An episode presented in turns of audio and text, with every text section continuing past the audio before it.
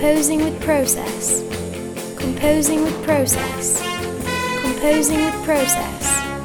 Composing with process. Composing with process.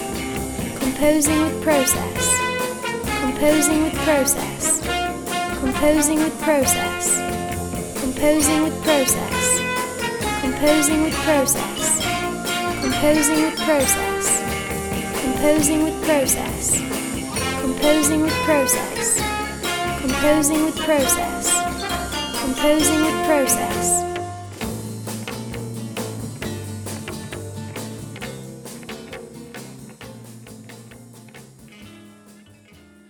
Welcome to the second part of the first episode of Composing with Process.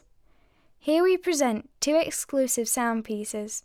Stereo FANN is a recording originating from the research on a sound piece by Florian Hecker, which is currently installed in the University of Utrecht in the Netherlands.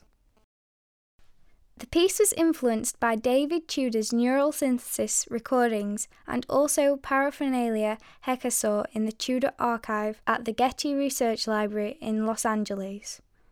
The sound for this piece is generated in the Super Collider programming language and utilizes four particle synthesis and processing techniques including glissons, pulses, granulation, and wave set stretching.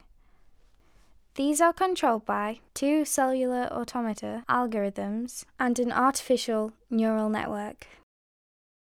The second piece was composed for an installation by Ryoji Ikeda for the Playing John Cage exhibition at the Arnolfini Gallery in Bristol in 2005.